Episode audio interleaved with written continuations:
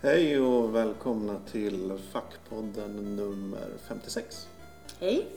Hej! Ehm, vad heter du? Eh, Sia heter jag. Ja, trevligt. Ja, har ju gästat den här podden eh, två gånger innan. Det har du. Mm, ärofyllt uppdrag. Mm. Välkommen tillbaks. Tack. Den här gången kör vi med extra dåligt ljud. Ja, Lite oklart varför. Vi befinner oss på en, i en stor sal som det ekar en del i. ja det kan man nog säga. En, Ja. stor stensal. Ja. Mm. Spännande. Eh, ja, men eh, välkommen som sagt. Mm. Hur är läget? Eh, läget är, det är bra. Mm. Eh, vi har ju just eh, kommit ner till Spanien. Det har vi Eh, faktiskt. Ja, och skjutsat ut mina föräldrar som var här till flygplatsen. Mm. Så nu sitter vi här i det här huset för oss själva. Jättestort hus. Ja, och det är väldigt, det är väldigt härligt att bara vara liksom. Mm. Mm. Och det är ju lite därför som det ekar. Ja, precis. För det är i den här, det är liksom hela bottenvåningen är bara ett rum nästan. Ja, Mm. så är det. Mm. Ja, vad bra. Du, vi har ju läst eh, Steglitsan, både du och jag. Mm, Eller The Goldfinch. precis. Jag har läst Steglitsan och du har läst The Goldfinch. Mm. Mm. Donna Tarts nya, eller nu har de väl varit ute några månader kanske, Ja. roman. Vad tyckte du om den? Eh, jag tycker att det var en eh, fantastisk bok. Mm. Jag, jag tänker att vi kanske kommer in på det lite eh, sen. Ja. Jag var inte helt, jag vet inte hur mycket vi ska spoila här heller. Okej, vi kan väl säga så här. Eh, om ni inte har läst The Goldfinch av Donna Tartt eh, Och planerar att göra det. planerar att göra det Ja. så ska ni kanske vänta med den här podden. Mm. För vi kommer kanske spoila skiten ur den, Mm. ungefär. Kan hända. Mm. Mm. Garanterat. Mm. Eh, ja, men vad kan man säga om The Goldfinch? Det är det är typ en bok som är kanske 800 sidor. Gjord av papper. Och så trycksvärta liksom. Men det är lite fiffigt. De liksom lägger in trycksvärta mellan de här pappersarken. Mm. Så att det liksom blir som ett budskap man kan läsa. Mm. Fantastiskt. Mm. Mm. Det är en jävla bra uppfinning. Mm. Rätt gammal har jag förstått. Mm. Typ som 1600-talet. Ja, Ännu längre. ännu längre. Så- 1400-talet finns det väl någon bibel? Ja, så länge de har kunnat skriva saker så har det funnits böcker. Mm. Fast först kanske det var rulla. Jag vet det spelar ingen roll. Nej. Eh, vad tyckte du om boken? Jag, jag tyckte den var helt jäv... Som man säger när jag, när jag fick lära mig när jag pluggade litteraturvetenskap. Mm. Helt jävla asbra. Ja, okej. Det är många superlativ här. Ja. Ja. Eh, nej, den var verkligen jättebra. Eh, vad kan man säga? Jag, precis innan så läste jag uh, vad heter? Saffron Foer. Mm. Mm, extremt högt. Och otroligt nära. Ja. Mm. Så jag, jag kände lite i början att jag började blanda ihop de här. Mm. För båda handlar om ett barn vars ena förälder dör Ja. i, i typ ett terrorattentat. Mm. Så jag blev, så här, jag blev lite, ja, mm, började blanda. Men sen insåg jag att Steglitsan är ju så mycket bättre. Mm. Ja, det tycker du. Ja. Ja. Men man ska inte jämföra böcker. Nej. Det är onödigt. Men, Jag skulle säga så här, Donna Tartt skriver så jävla bra. ja. Alltså så här bra som man blir. Va, va, var, varför ska någon annan skriva någonting överhuvudtaget? Mm. Ja, ehm, det håller jag med om. Mm. Och jag tycker eh, de första, var, var boken 800 sidor lång? Eller var den 700? 780. 80. En Mm. var min pocketbok tror jag. Ehm, och jag, och nu har jag, jag har bara läst, nu har skrivit tre böcker. Mm. För den första var eh, Den lilla vännen. Nej, den första var den hemliga historien. Var det så? Ja. Okej. Okej, den första var den hemliga historien. Den har jag läst. Den lilla vännen ligger uppe i sovrummet här och väntar Mm. på att bli läst. Jag måste ta en liten eh, paus bara. Men, och steglistan. Ehm, och eh, jag tycker ju- Egentligen tycker jag nog bättre om den hemliga historien. Eh, båda är ju otroligt, otroligt bra skrivna. Men jag tyckte också att, eh, att, att det blev lite överflödigt ibland i Steglitsan. Att jag fick lite för mycket information som inte riktigt bidrog till en bättre läsupplevelse. Och det eh, eskalerade mot slutet faktiskt. Eh, Och jag tyckte att hela sista kapitlet hade bara kunnat strykas ur boken. Nu ska vi, det sista kapitlet, det är där han blir lite så här um, idéhistorisk. Typ. Alltså, han reflekterar över vad han... Vad är konst? Ja, typ, så. mycket sådär. Mm. Eh, och där någonstans kände jag att det tappade. Det, var inte alls samma stil, det var inte samma liksom... eh, Det var inte samma stil som resten av boken och, och den kändes helt Mm. Överflödig i mitt tycke. Men det är personligt. det var en sån här klassisk ep epilog. Mm. Epiolog? Epi- Epilog. Epilog. Mm. Um, ja, alltså det är på många sätt, hon blandar ju många stilar. Mm. Det är dels den här levnadsödet. Mm. Många säger, hon själv säger att hon är inspirerad av Dickens och sådär. Mm. Eh, och det, det kan man väl kanske hålla med om. Men sen är det ju hur det plötsligt blir en så här kriminalare. Mm. Typ sista 200 sidorna eller något sånt där. 100 kanske bara. Ja, eller är den inte det ganska långt innan? Jag skulle vilja säga att den blir typ en kriminalare i starten av boken. Det dröjer typ 20 sidor och sen så kastas man in i det här som man misstänker Mm. kommer att bli någon slags... Jo, men det är ju ingen grej riktigt än. En alltså, bis... Ja. Vänta, jag ska bara sänka den här volymen och se om man kan få bort lite av det här äh, bakgrundsbruset. ja. Det låter som att du kanske lyckades. Kanske. Mm. Vi får se. Vi vill ju be om ursäkt för att vi har en Varg söker sin podd ljudkvalitet. här. Ja. Eh, jag är inte helt eh, säker på varför. Nej, kanske är som en, någon slags hommage till dem. Ja, Ja. Så, ja men grattis. Det är en Varg söker sin podd eh, ljudkvalitet Mm. i dagens fackpodd. Ja. Ja, men mm, okej. Du tyckte det var en kriminalare hela tiden? ja, det tyckte jag. Mm. Jag, jag tänker mer så här att det... Jag trodde väldigt länge att det aldrig skulle göras något av den här... Att han hade snott en tavla. Ja, det tänkte jag från första start, att det är syftet med boken att se Mm. vad, vad som... Ja, ja, så, så då kanske det... Ja, då, då blir det ju naturligt en kriminalare eftersom Mm. det var någon slags brott han hade begått. Så jag, jag tänkte att det var en, en stor del. Mm. Eh, eller ja, vitsen med Mm. boken. Men vadå, du var inte jätteimponerad? Jo, jag var otroligt imponerad de 700 första sidorna. Mm. Där var det en enastående bok, alltså en av de bästa jag läst. Mm. Eh, fantastisk. Men jag blev, och det var lite synd att det sådär på slutet för mig blev en ganska medioker bok. Det, det, det, den tillförde ingenting och, så, och då i slutändan så drog den ner min upplevelse av boken. Vilket jag tycker känns väldigt sorgligt. Det är nästan så att jag så önskar att jag inte hade läst det där sista kapitlet. Mm, ja, jag håller inte med. Nej. Alltså jag tänkte ju på att, att det här känns nu mer som eh, kanske en essä. Och, om eh, konstens väsen eller något sånt där. Men jag tyckte inte det var så jättekonstigt egentligen. Nej. Jag tyckte mer att ja, men det kändes som en, en bit, alltså, som en hommage till epiologer. Ja, men en sån här typisk epiolog. Ja. Epilog. Epilog. Förlåt. Förlåt. Eh, nej men jag blev ju så förbannad på det sista kapitlet att jag började nästan hoppa sidor. Mm, Att jag liksom bara började eh, liksom ströläsa. mm, Och sen, sen så tänkte jag så här, nej jag kan inte, det kan jag inte göra med en så här bra bok. Men, men det, var, det var liksom väldigt, väldigt mycket på vippen att jag bara bläddrade igenom sidorna för att jag tyckte det var så tråkigt. mm. Ja, det är väl en, en, klassisk litteraturtradition att ha en epilog som låter annorlunda eller som är på annan, har en annan ton än Mm. resten av boken.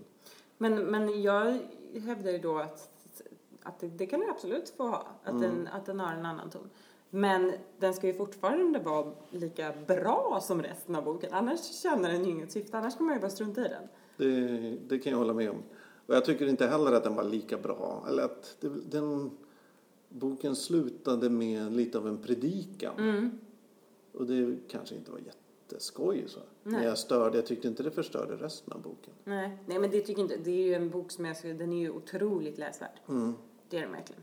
Fantastisk bok. Har du tänkt på, både i den här och i Den hemliga historien. Nu har jag inte läst Den lilla vännen så jag vet inte om det här är en trend för Donna Tartt eller om det bara är, eller två av tre är väl en trend ändå. Mm, det är det. Hon har en väldig, eh, vad kan man säga, dyrkan av så här rik, inte rikedom, men av så här överklassen. Mm.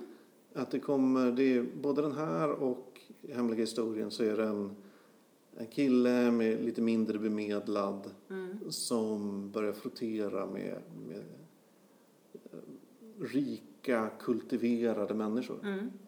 Och på samma sak en sorts här utbildningsideal som Mm. framkommer. Mm. Att, eh, i, I hemliga historien, eh, grekiska. Mm. Här mer så här konsthistoria kanske. Mm. Ja, det handlade ju extremt mycket om, om eh, konst och Mm. designhistoria egentligen. Mm. Eh, jag vet inte om hon, ja, om hon framställer det som ett ideal. Det kan, det, eh, jag vet inte, jag kan inte riktigt med på resonemanget här. Mm. Ja, men hon har en fas, fascination för det i alla fall. Mm, absolut. Det här, eh, de här stora våningarna och, och folk så så här, eh, ja. Mm. Men du, hänger, du känner inte, håller inte med? Nej men alltså, jag, ja, jo, ja, en fascination, absolut. Mm. Ehm, och jag tänker också att hon ändå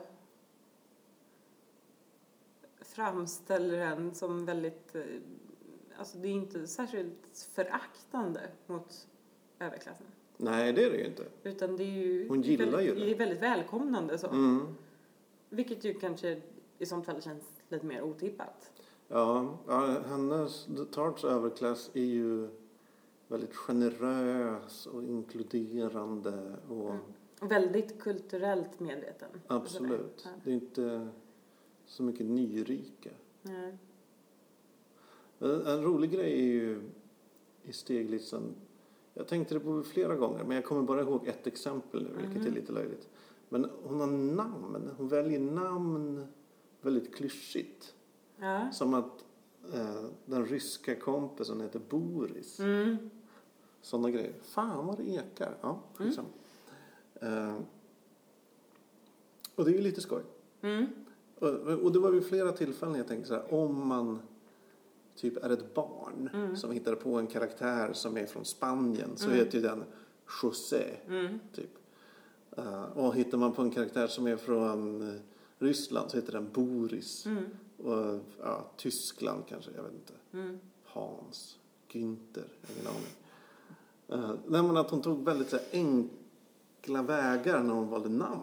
Som Mm. att de nästan blev, var liksom karikatyrer. Bara av namnvalen. Ja, jag tänkte ju Boris som en karikatyr. Mm. Av, ja, både av namnvalen och, och kanske lite i hans karaktär också. Mm. En komplex karikatyr.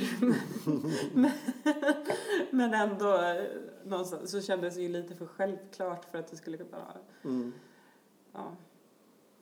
Det är väl ett annat tema. Manlig vänskap. Mm. Både i den här... Man ska inte titta för mycket på så, oh, så det här var ju samma som i förra boken. Nej. Även om jag är sugen på att göra det ofta. Ja, det, det finns ju stora likheter ändå. Mm.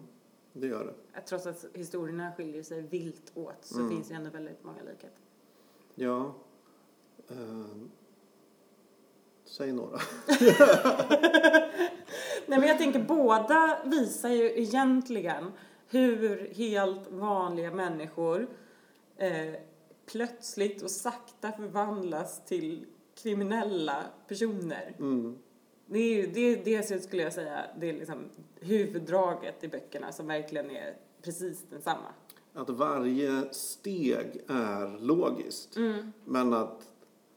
Slutprodukten är inte logisk, Ja. men, men alla steg dit förstår man. Mm. Ja, man förstår ju verkligen... Shit, jag glömde bort vad huvudpersonen heter. Ja, hans bästa kompis heter ju Andy. Men, men Ja, Andy och eh, Theo.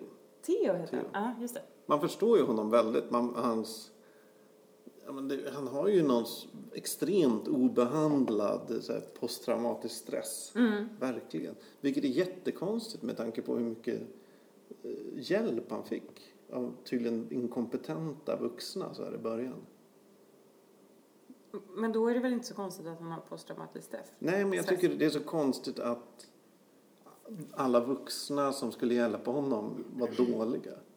Ja. Inte kunde hjälpa honom. Ja. Utan var typ så här som eh, men en South Park eh, syokonsulent liksom. Så här välmenande men korkade. Ja, så var det absolut. Det kanske är en liten pik. Mm. Mm. ska man känna sig träffad?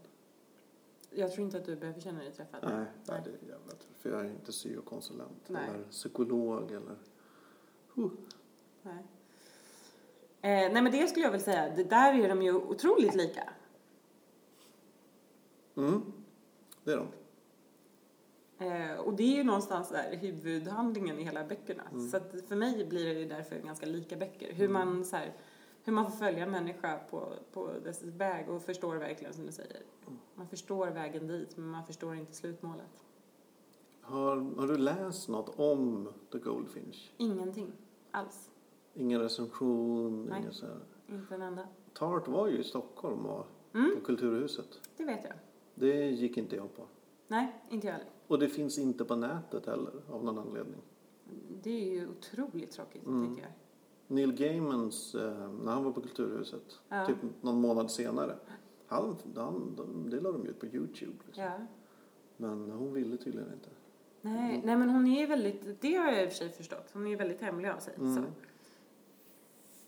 Ja, det är hon. Och vill inte bli en figur så, utan hon, hon vill att folk ska ta hennes böcker för, för det de är och inte tänka för mycket på henne som författare och vad hon är. Men det är ju... Men det är ett statement Det är så kontraproduktivt tycker jag. Alltså genom att vara hemlig så ökar hon ju bara fascinationen för, Ja, precis. för henne själv som person. Ja, men jag tänker att hon är ju, hon är ju jävligt smart. Vadå? Det är ju... Att du menar att det, det, som jag det är är, en marknadsstrategi Ja. att vara hemlig. Det kan det vara. Det kan ju absolut vara så att är förlaget bara, "Ah, men det här är ditt varumärke nu. ja. Eller så är hon bara, men hon kan ju inte vara folkskygg eftersom hon åker runt i världen och gör så talks. Nej. liksom. Mm. Jag kan ju eh, jämföra, jag har, det var några veckor sedan, eh, nej det var inte alls det. Det var några dagar sedan jag läste ut den här boken. Mm. Och nu har jag börjat på en ny bok. Mm. Och då kan jag ändå säga att, att, att man väldigt snabbt eh, märker hur otroligt välskriven eh, Steglitzan är. Mm. Eh, nu har jag börjat på den här Zero Zero Zero. Av Sa- Saviano, nej, han som har skrivit om Gomorra. Saviano? Saviano kanske. Jag vet inte Ja, riktigt. i alla fall. Eh, det är en intressant handling. Den handlar om eh, knark, knarkhandeln. Mm. Mycket om eh, Mexiko och eh, Colombia. Men den är ju taskigt skriven. Det är många saker som stör mig väldigt mycket och jag sa till dig bland annat tidigare idag eh, hur man eh, till exempel eh, i den här boken eh, benämner folk eller skriver om, om, om folk både antingen som förnamn och efternamn eller som förnamn eller som efternamn eller som smeknamn eller som svenskt smeknamn istället för spanskt smeknamn. Alltså, otroligt förvirrad bok. Eh, så det är lite jobbigt med sådana här otroligt bra böcker att de höjer ju ens standard rätt rejält. Det blir Mm. nästan, nästa, ja, det blir snudd på jobbigt att läsa eh, böcker som inte är lika genomtänkta och Mm. lika välskrivna och inte alls lika bra språk. Ja, det är verkligen jobbigt när man går från en bra skriven bok till en dålig. Mm. Men när man, vilket också har hänt för mig, att jag har läst en dålig bok och sen gått till en bra skriven bok. Och då blir det så här, just det, det är så här det kan vara att läsa. Och så här, man blir lyrisk. Mm. Ja, Jag hoppas ju, men nu, nu tror jag att boken, den här är snart klar med. Den går Mm. fort. Men eh, så sen blir det väl, eh, ja antingen Donna Tartt, men jag tror att jag ska vänta lite. Eller så blir det Knausgård, eh, Min kamp del 2, Mhm. kan hända. Mm. Ja, Jag läste ju, jag kom i kontakt med Donna Tartt för första gången typ i fjol, i höstas, oktober. Var det så nyligen? Ja. Och då läste jag Den hemliga historien. Och nu läste jag Steglitzan, eller Goldfinch. Och jag kände det var ett ganska bra, bra att ha ett mellanrum. Mm. För jag tänkte, jag skulle nog suttit och jämfört ännu mer om jag bara hade läst dem rygg mot rygg. Liksom. Precis. Jag läste ju Den hemliga historien i kanske februari. Mm. Ja, vi, vi är Donna Tartt-noviser, Mm, det gör vi verkligen. men vi gillar henne. Mm. Vad fan har jag, vad har jag läst mer på sistone? Innan Donna Tartt läste jag ju den här Fower. Mm. Och innan den läste jag... Där borde jag ju skriva några anteckningar om. Nej, men var, var det inte, innan den var det inte den här med alla, med indiska namnen? Jo, Ian McDonald, River of Gods. ja, just Den var bra. ja. Mycket bra. Kan. Eh, Det känns också som en sån där roman som jag var sist på bollen på. Alla som läser sci-fi har redan läst den. Mm. Men River of Gods, shit. Bra bok. Mm. Du borde läsa den. ja, Ja. eller? Ja, skeptisk. Jag vet inte om jag vågar vandra på det spåret. Mm. Nej. Mm, nej, jag vet inte heller riktigt. Oj. Jag skulle behöva mer vin. Ja, jag, jag kan hälla upp lite åt Ja, dig. tack. Ja. Nu får ni höra hur det låter när man häller upp vin. Eh, ska jag säga vilket vin vi dricker? Mm, det kan du göra. Vi dricker Louise eh, Cañas. Det är en Rioja. Väldigt trevlig. 2009. Mm. Ja, ni hör ju själva, kära lyssnare. Mm. Det är så här det går till i Spanien. Ja. Man hör ljudet av vin som hälls upp och sen hör man ekot av ljudet av vin som hälls upp. Det är vä- väldigt trevligt på det stora hela. Ja. Nej, men det är ju tråkigt att eh, Ivan och Anders inte är med. Mm. Absolut. Men- De hade ju kunnat komma hit och spela in den här med Det oss. tycker man. Vad jag förstår är ju Ivan i Spanien i alla fall. Just det, men lite norröver. Ja. Mm. Och Anders, vad han gör, senast jag såg något från honom, det var där han byggt om en dator så att den blir en fotoram. Mm. Vansinne. Mm. Han är ju en, en pillare och pysslare. Av rang får man ändå Ja, säga. high-tech eh, Jag, jag, blev, pyssel. jag blev liksom ganska imponerad av det där. Ja. Jag såg det också. Det Ja. Ja, ni får, om ni inte redan följer honom på, på Twitter, at Millbot. At Millbot, Mm. inga frågetecken. Eh, så gör det. Där kan man få- ta del av så här, han bygger en fotoram och saker, han har skaffat en ny robot, Mm. sådana grejer. Nu, har- ja, det var ett tag sedan han skaffade en ny robot. ja. Ett äventyr Ja. i teknikens tecken. Eh, vi har ju semester nu. Mm. Jag har haft semester i två, tre hela dagar nu. Mm. Ja, jag har haft semester i en vecka och tre dagar. Ja. Första veckan, vad gjorde jag ens första veckan? Du, du klappade väldigt mycket katt och sov, tror jag. Jag sov, gosade med katt, sov mer, Mm. läste Steglitzan. Just det, Eller The Goldfinch, precis. som den heter, vid originalspråk. Varför läste du inte den på originalspråk? Du vill stödja den svenska bokbranschen eller något? Ja, nej, jag vet inte. Jag eh, vet inte. Ingen, ingen anledning liksom. Det Nej. är så. Brukar ofta läsa på svenska. Mm. Ehm. Vet du vad Jag, jag... ja. Ja. Nej, fortsätt. Nej, nej men... eh, nej, jag satt och funderade så här. Hmm, undrar om den här inspelningsutrustningen jag har har någon sorts brusreducering. Hmm. Eh, Ja. Sitter du och funderar på det nu? Ah, jag, eh, sl- Ja. medan, när, när du tog en paus Ja. tänkte jag. Hmm. Men skitsamma. Ja. Eh, välkommen kära lyssnare till en inblick i hur Magnus bara sitter och tänker på onödiga saker så här mitt under inspelning. Ja, härlig förmåga du har. Ja, visst är det. Ja. Ja. Nej, men det känns att ha semester. Eh, det känns ju helt fantastiskt. Mm. Jag, eh, jag tror aldrig någonsin jag har längtat så mycket efter en semester som jag gjorde senaste veckan. Mm. Eh, det är, ja, den känns otroligt välbehövd. Det har varit totalt inferno på jobbet i så här upptakten till Mm. semestern. Och sen så var det ändå sådär, ja men precis, ja, allt ordnar sig liksom. Ja. Så jag, ja, nu känner jag mig, jag har ju också väldigt lätt för att slappna av när jag väl är ledig. Jaha.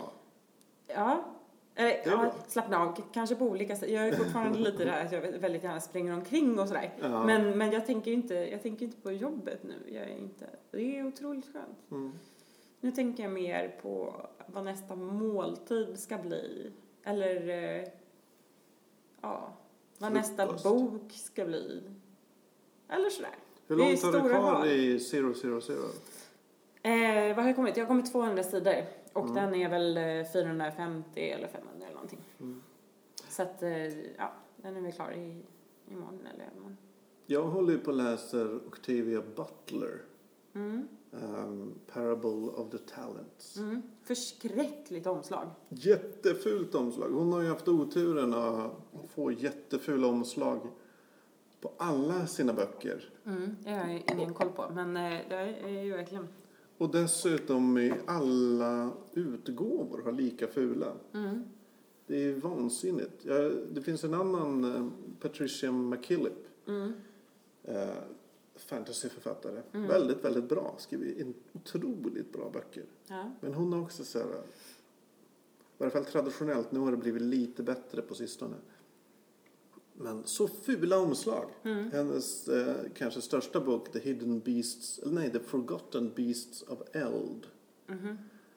Eh, hon har en sida på sin eh, hemsida där hon har lagt upp alla omslag, Ja. alla editioner, alla internationella utgåvor. etc. Mm.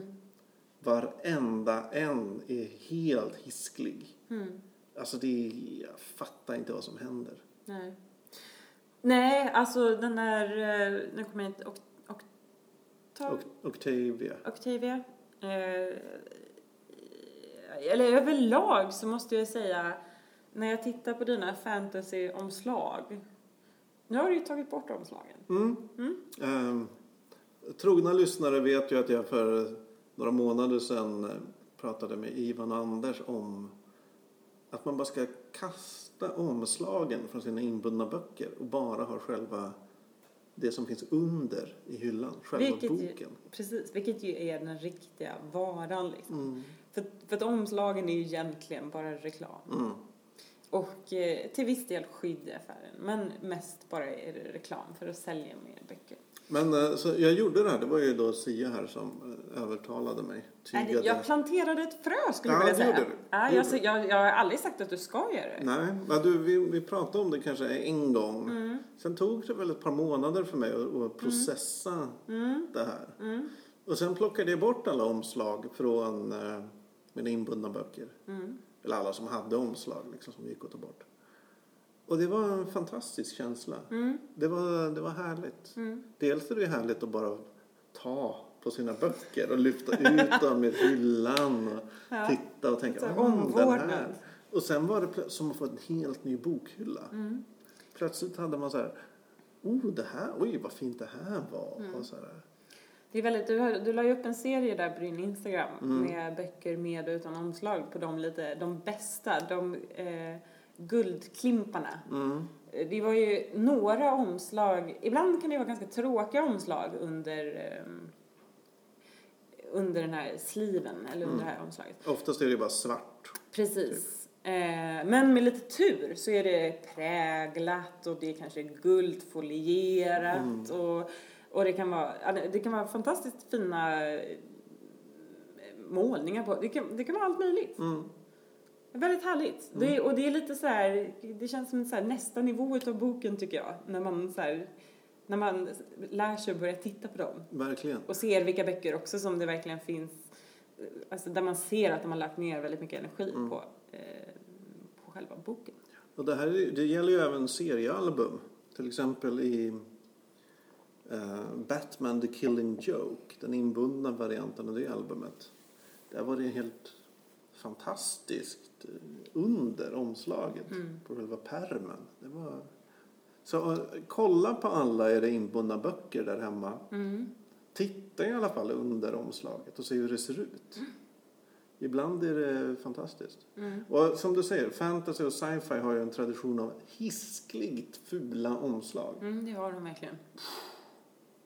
Så på ett sätt var det bara en lättnad att få bort alla omslag. Ja, nej men det, under så är det ju ofta väldigt klassiskt. Det är mycket, det är mycket svart, det är mycket mörkblått, det är mycket rött. Mm. Det är mycket guld, eh, guldfolierat Mm. och, och sådär. Eh, men, men ja, väldigt härligt. Jag tycker din bokhylla var mäktig innan, men jag skulle ändå säga att den är lite mäktigare nu och lite mer anonym. Liksom. Den är Ja. inte lika skrikig. Nej, tidigare var det ju lite som ett tivoli Mm, ja, att titta på bokhyllan. mm. Eh, Fantasy, speciellt fantasy, är ju, de gillar färger. Ja. De som gör omslagen. Det är liksom, De gillar färger, men de gillar även drop shadow och lite andra så ja, effekter som man normalt sett kanske inte... Ja, Ja, men det, det är guld, det är skuggor, det är övertoningar, Ja. det är liksom rubbet. Speciellt guld älskar de. Det är, det är en speciell skola. ja. Eh, Sen fanns det ju en, en hel del också så här med lite minimalistiska. Mm. Men Där hade ju så- du någon teori om varför de är, när det är minimalistiska omslag som du presenterade för mig. Mm. Igår tror jag det var, eller häromdagen i alla fall. Igår? Nej, det var när vi var hemma i Stockholm. Ja, ja. Vad, kan du påminna mig? nej men du, det, vi diskuterar för att det här, eh, eh, nu har jag glömt namnet på den boken du läser nu. Uh, Parable of the Talents. Ja, just det, precis. Den i alla fall fick ju mig att tänka så här, "Nej, jag borde eh, designa om en massa bokomslag till fantasy. Mm, För att jag tyckte att, för att jag tycker att alla du har visat egentligen är jättefula. mm, de är fula. Eh, och, eh, och, och då så sa du, ja men ska du läsa boken då? Och så sa jag, ja nja, kanske någon synopsis. Och då så sen lade du fram teorin att du trodde att de minimalistiska bokomslagen kanske var när folk inte har läst. För sen så följde en diskussion om om man måste läsa boken innan man gör ett bokomslag. Mm. Och då menar jag att eh, idealiskt, Mm, så ja. mm, absolut. Då ska man läsa omslag, inte läsa omslaget, läsa boken. Eh, absolut, det är inget snack om saken. Nej. Men jag tänker mig i dagens pressade eh, vinstmaximerande förlagsklimat så kanske det inte finns möjlighet att ge en illustratör eller grafisk designer eller konstnär eller vad det nu kan vara eh, en vecka att läsa boken. Nej, precis. För tiden mellan att manuskriptet kommer in och att boken ska ges ut ska vara så kort som möjligt. Mm. Och då var ju din teori att då kanske det blir lite mer minimalistiska omslag för de kan inte slå fel. Nej, det är mycket enklare. Mm. Sådär, eh, någon berättar ja men den här boken utspelar sig till sjöss. Och så, det, det finns ett folk som kan förvandla sig till fiskar. Mm. Ja, då, ja, släng upp svart, en silverfisk. Inte, Mm. Alltså en, en fisk av silver på omslaget. Så är det klart. Och det är många sci-fi-böcker som är bara så här mönster. Liksom typ ett mönster av trekanter eller något. Mm. Men det ska man ju inte heller glömma att i klassisk bokformgivning så är det ju ofta väldigt abstrakt. Det är ju en väldigt ny grej det här med att ha eh, detaljerade målningar om vad boken handlar om Mm. på böckerna. Det kom, alltså på, in, ja det kanske kom på 70-talet eller någonting. In på 60-talet så var det mycket, fortfarande mycket abstrakta mönster eller grafiska mönster på, på, Det beror väl lite på, för eh, redan på 40-talet fanns det ju, kanske till och med innan det, eh, så fanns det ju så här, eh, ja men typ Nick Carter-böcker och grejer som kanske ja, hade i varje fall människor och figurer och händelser ja, det på. att Men det det var ju skräplitteratur Det som det började ja, på. Men Och det, och det är ju också för att då ska man förtydliga handlingen. Det är också en reklam liksom. Man ska Mm. förtydliga handlingen, förstå, få folk att vilja köpa den snabbt så att de ska få en grepp om det. Titta, Men- här men handlar det om en kille med, med pistol. Ja, precis. Nej, men om man tittar på lite mer så här klassisk litteratur så eh, där finns det ju inga, det är ju väldigt nyligen som det har kommit liksom illustrationer på dem och sådär. Och, och fram till, ja men i alla fall 60-tal så hade de eh, väldigt mycket mönster och abstrakta. Och att, och att det var liksom inte, det var inte bokomslaget som sålde boken som, sålde inte bokens handling Mm. på något vis. Eh, Mm. Jag har glömt lite vart ifrån det här utgick men eh, Ja just det, att det inte är självklart att det liksom ska vara illustrationer. Nej, men det är det ju verkligen. Det är, fantasy har väl varit både ja, skräckexempel och goda exempel på att just det ska vara en händelse ur boken som Mm. ska illustreras. En specifik scen, ofta nästan.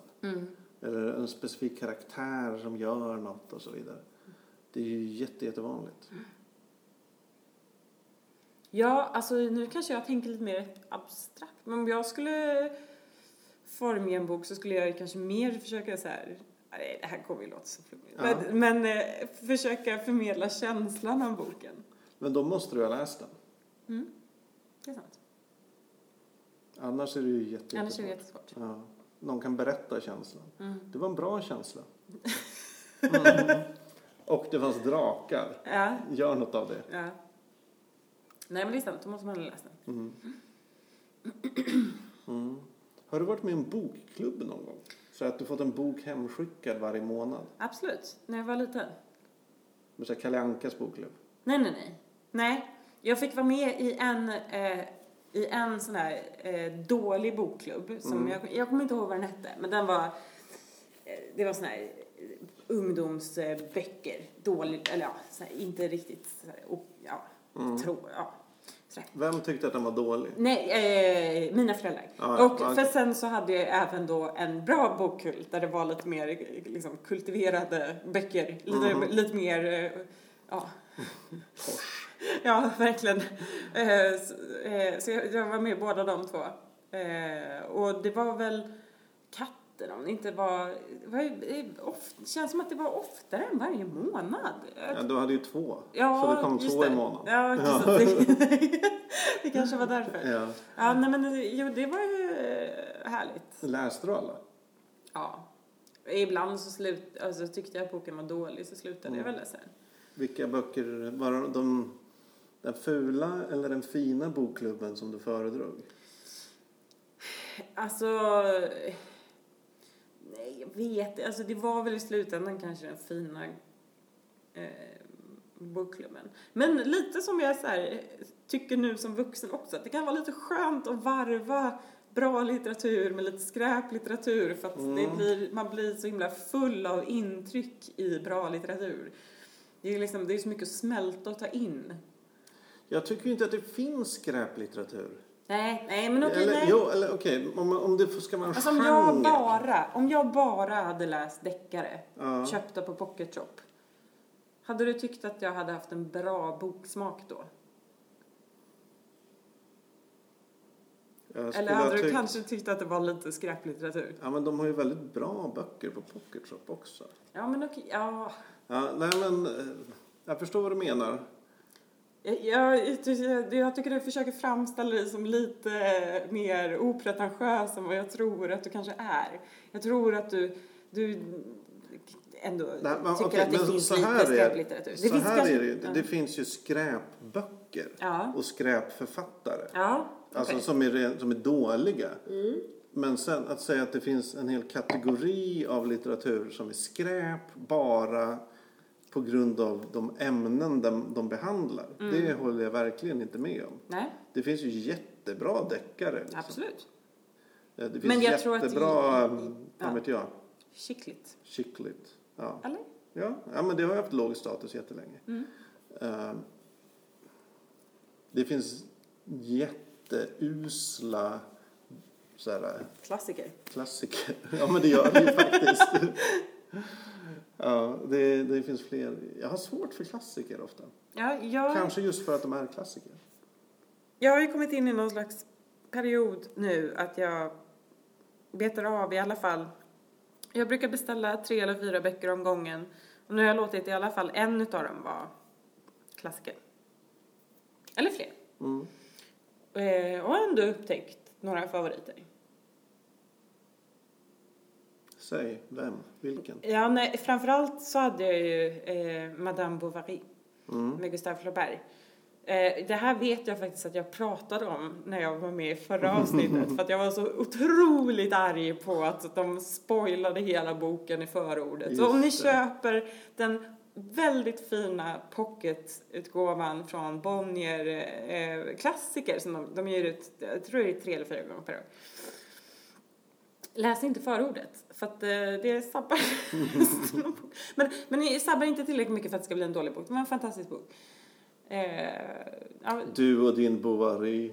ja, Ständigt detta tjat. ja, ja det, det, det är väldigt bra. Ja, nej men jag, det, är- det är svårt. Jag hade, hade, kände även lite det när jag läste Fower. Mm, Att jag, det är ju en väldigt, det är inte en klassiker men det kommer säkert bli framöver. Mm. Men den är väldigt hypad och väldigt omskriven och väldigt omhuldad och älskad och, och så här all, all rave reviews liksom. mm, Och närma sig en sån bok det tycker jag är svårt. mm. Det är det ju. Det gäller i och för sig, det gäller nästan all kultur men det är jättesvårt. Mm. Ibland kan ju bra, ja jag hördes där när jag drog ett fot längs mattan. Det gjorde det. Ja, okej. Shit, undrar hur den här inspelningen kommer bli. Alltså, det helt sjukt. Ja. Eh, ja, det är svårt att närma sig hyllade böcker, hyllad kultur. Men vad tyckte du om Extremt högt och otroligt nära? Sa du det innan när vi pratade? Nej, jag tror inte att du nämnde vad du Nej. tyckte om den. Eh, jag tyckte den, den var intressant mer än den var bra. Ja. Eh, han, hans fifflande med typografi och, och liknande, det, sånt kan trötta ut mig. Mm. Den är ju väldigt konceptuell. Mm. Det är just alla svensklärare skulle ju säga så här, så här får ni inte göra. Oh ja, tur att han skrev på engelska. Ja. Alla engelsklärare i... Ja, nej men man, man anar ju att han, är, han har ju väldigt höga ambitioner. Mm. Och ibland kan det... Jag kände ibland att han bara försökte för mycket. Ja. Eller att det blev att de här konceptuella manövrerna överskuggade allt annat. Mm. Och jag tyckte framför allt att jag kände, och det kan störa mig ofta när, i, i klassiker speciellt, Mm.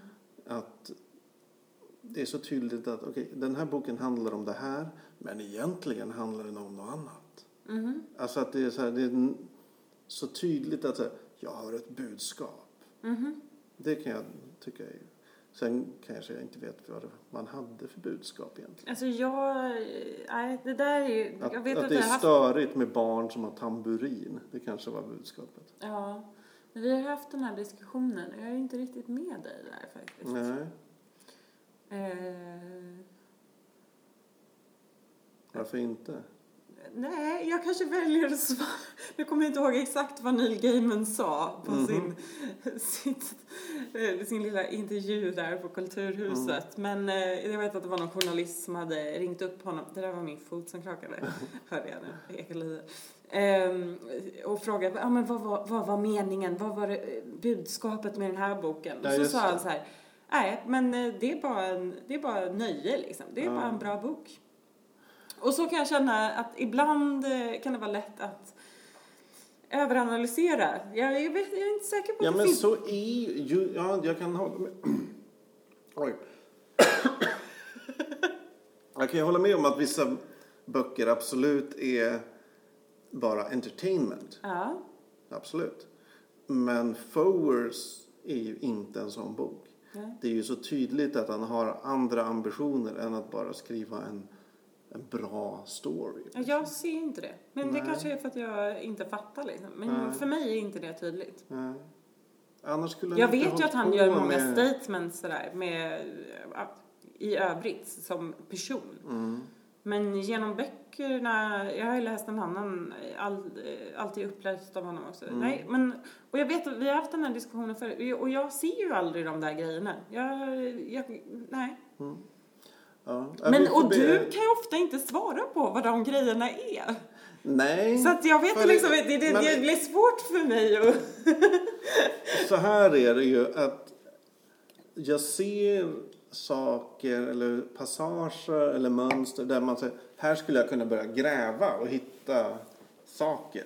Liksom. Här, här, är, här har han gjort grejer. Här, här finns det något han vill säga utöver det som han bara skriver. Okej. Eh, Men ofta är det ju så här att Men har du läst, inte. läser du någonting, då borde, eller är du inte intresserad att kolla upp det på nätet i sånt fall? Någon måste ju, du kan Ibland gör jag det, men med, just med honom så pass intresserad blev jag inte att jag, att Nej. jag började googla honom. ja. Ibland tycker jag det är jätteintressant att här, kolla vad, vad har diskuterats om den här boken, vad har sagts om den här boken. Eh, ibland är det så här, ah, det spelar ingen större roll för mig egentligen vad, Mm. vad extremt högt, eller vad den hette. Mm. Eh, så, för så, nonchalant Nej. och bara extremt högt. Eller vad den hette. nej men så här, det för, för jag gillade den men den var inte så här, den bet sig inte fast. Nej. Och sen finns det ju böcker som både Steglitzen och Den hemliga historien som jag gärna skulle vilja gotta ner mig i ännu mer. Men samtidigt känner att fan, det, det, jag kanske bara vill ha min upplevelse för mig själv Mm. och inte börja nysta i vad andra har tyckt och tänkt om den. Sen, eh, ja. Jag tycker det är överlag eh, svårt det här med att analysera både konst och litteratur. Mm. För att man kan ju komma till i princip vilken slutsats som helst beroende på vilka liksom glasögon man tar på sig. Ja, och det är väl det som är Eh, det så fantastiska. fram- Ja, det är men- därför vi har klassiker och böcker som läses efter gen- generation efter generation. Ja. För att Men det är därför... de kan säga något till alla liksom. Ja, precis. Men Inte då alla. menar jag att det kanske inte finns något riktigt dolt budskap. Nej, jag menar inte dolt att det är inte så att det är en kod som man måste knäcka. Nej, Utan nej. att riktigt bra litteratur har ju många så här angreppsvinklar. Mm. Som, eh, ja men Donna Tartts böcker kan man ju läsa som bara underhållande grejer. Mm. Liksom så här, ja, en, en liten så här spänningsromaner nästan. Mm. Eller så kan man läsa dem som så här, en eh, kommentar till konstens betydelse för den moderna människan och vad är konst Men, du, men. Eller så kan man läsa den som en, en kommentar till 9-11 Mm. eller så här, vad gör ett trauma med ett barn? nu är du inne på Saffron Foer. Nej. 9-11. Ja, ja, ja, jo, jag, nej, jag, jag menar Donna Tartt. Du menar Donna Tartt? Hon har ju hittat på en explosion. Ja, okej. Som ah, jag okej. läs, alltså vad, vad jag förstått så började de skriva boken innan 9-11. Jaha. Så den explosionen syftade till den första World Trade Center, Mm. World Trade Center Mm. bombningen som var någon gång på 90-talet. Mm. Eh, men det är ju ändå en, en eh, det handlar ju ändå om terrorism. Det går ju att läsa in mycket om terrorismen och framförallt kanske om vad, terrorismen får för effekter och sådär.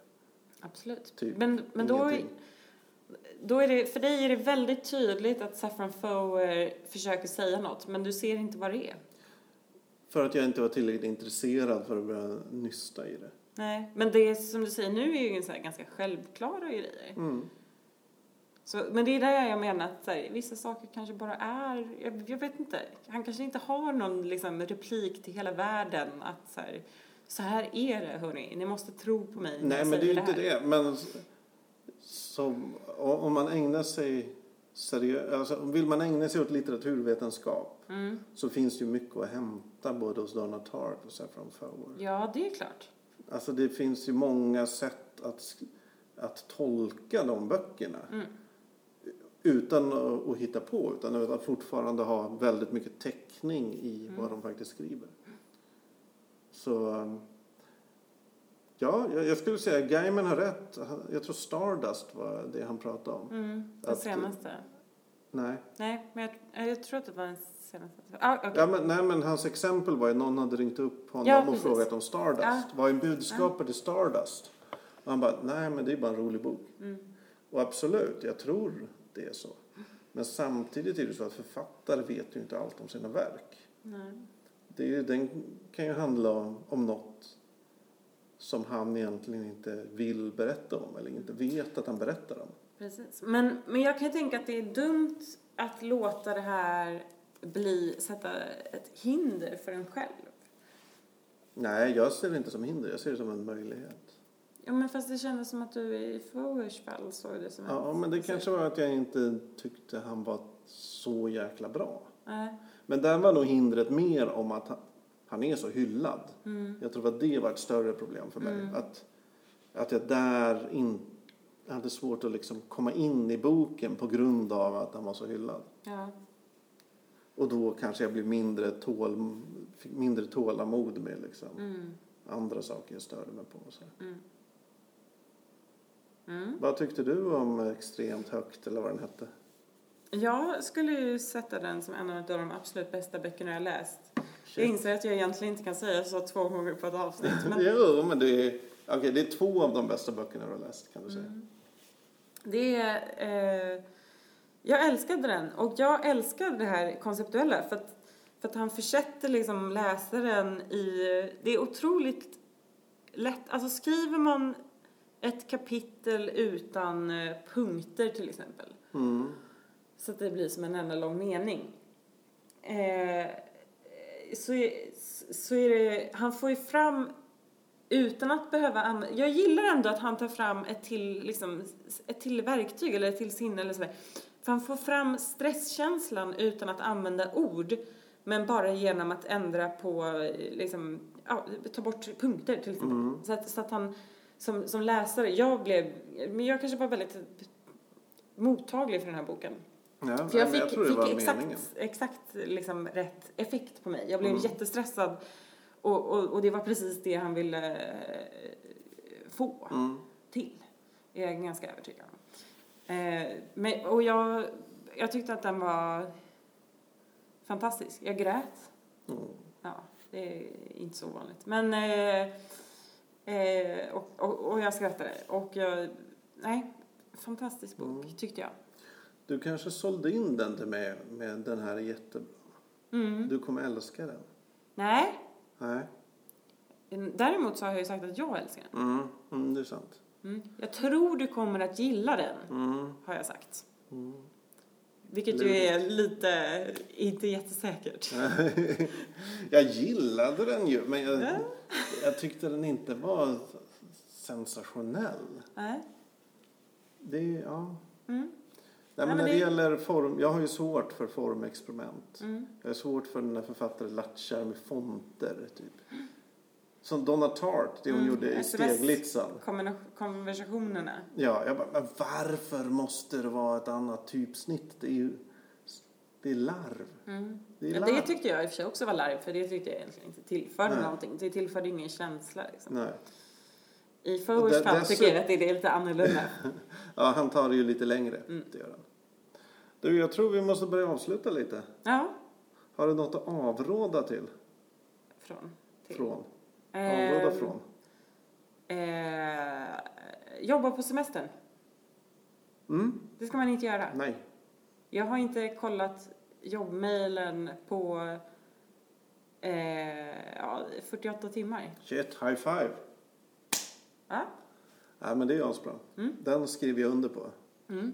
Jag har inte kollat jobbmailen på typ en vecka. Mm. Härligt. Mm. Så ska det fortsätta. Ja. Jag tänker inte kolla jobbmailen. Ehm, ja, bra. ja, du då? Nej, men jag skulle väl avråda från kanske inte... Nej, men jag skulle nog avråda från eh, att eh, spela in podd i ett jättestort ekande rum. Mm. Vi ber om ursäkt för, för ljudet. Kanske vi försöker bättra oss till nästa gång på något sätt. Ja, vi kan ju försöka leta upp någon annan plats. Jag tror bara det skulle varit bättre nästan om vi satt utomhus. Ja, jag Faktiskt. misstänker också. Ja. Lite palmblad i bakgrunden. Ja, Ja. Så här, visst det kanske blåser lite, det kanske kommer någon bil, det kanske är någon hanggliding utöver, det kraschar i trädgården. Ja. Men, eh, ja. Nej, Ja, men det, det har varit roligt att, att ha er här, kära vänner. Eh, vi finns på fackpodd.se. Jag tror inte du har sagt vilket avsnitt det här är. Jo, 56. Ja, okej. Ja. Ja. Eller är det 57? Ja, det vet jag inte. Nej, det är 56. Ja, mycket möjligt. Jag heter Magnus Edlund. Ja, eh, Sia Mannesson heter jag. Ciao, ciao! Hej.